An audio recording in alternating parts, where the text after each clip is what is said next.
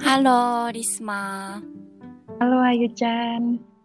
Di podcast kali ini kita membahas tentang apa?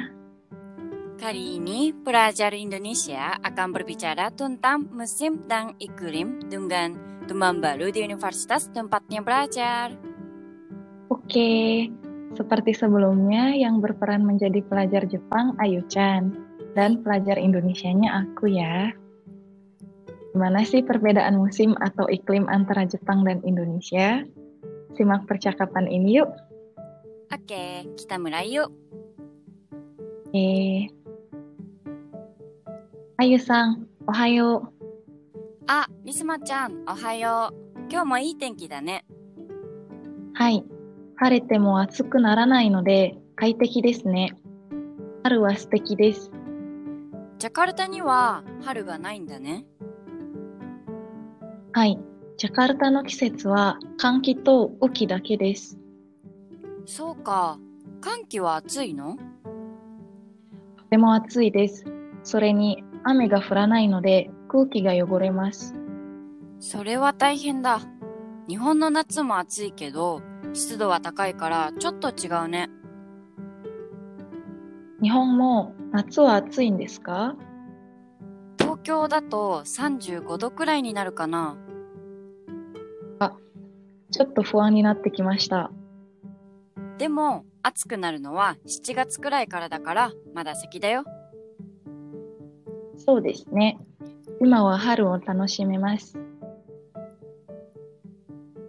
Selanjutnya, kata-kata yang perlu diingat adalah 快適、 nyaman, 素敵、 indah, 春、 musim semi, 季節、 musim, 空気、 udara, 汚れます。 kotor, 大変、 menyusahkan, 湿度、 kelembapan, まだ先、 masih nanti atau masih lama, 楽しみます。 menikmati. Gimana teman-teman? Apakah bisa dipahami dengan mudah? Topik pembicaraan tentang musim atau iklim seperti ini bagus ya untuk menjalin komunikasi dengan orang Jepang. Ya nggak, Ayu Chan? Benar, Risma. Eh, bahkan di Jepang ada pener- per- perbedaan karakteristik iklim tergantung pada wilayahnya, sehingga eh, ada baiknya juga untuk menanyakan tun- tentang cuaca di tempat lahir lawan bicara. Hmm, ya sih ya. Sebelumnya kita kan membahas tentang musim semi di Jepang nih. Aku mau tanya lagi tentang musim lainnya. Iya, Di Jepang kan turun hujan juga. Biasanya hujannya kapan aja, Ayu Chan? Hmm, hujan eh, bisa turun di musim semi, bahkan musim gugur ya. Eh, tapi paling sering turun ketika akan masuk musim panas, sekitar bulan Juni dan Juli ya. Istilahnya dalam bahasa Jepang adalah tsuyu, musim hujan gitu. Hmm, berarti paling sering sekitar bulan Juni-Juli ya. Hmm, Terus tadi kamu bilang kalau musim panas kan bisa sampai 35 derajat. Hmm. Terus kalau musim dingin di Jepang bisa sampai berapa derajat? Hmm, itu tergantung daerahnya sih. Kalau di Tokyo mungkin bisa sekitar 3 derajat.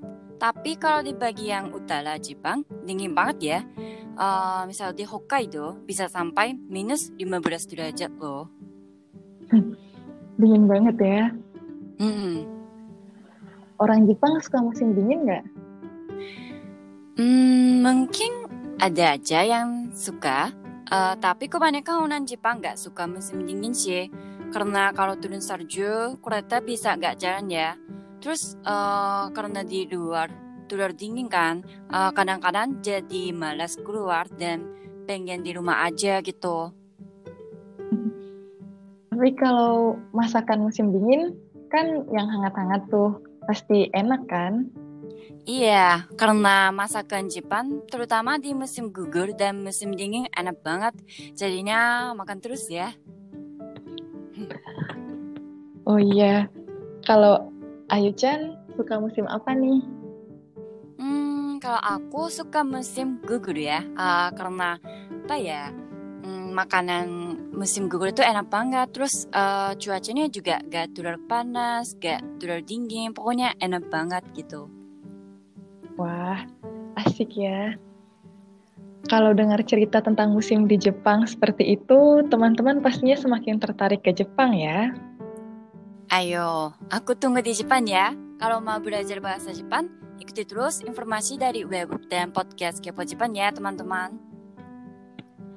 Oke, podcast kali ini sampai di sini dulu ya. Oke, Risma. Sampai jumpa lagi. Arigatou gozaimasu. Lihat gozaimasu. Bye-bye.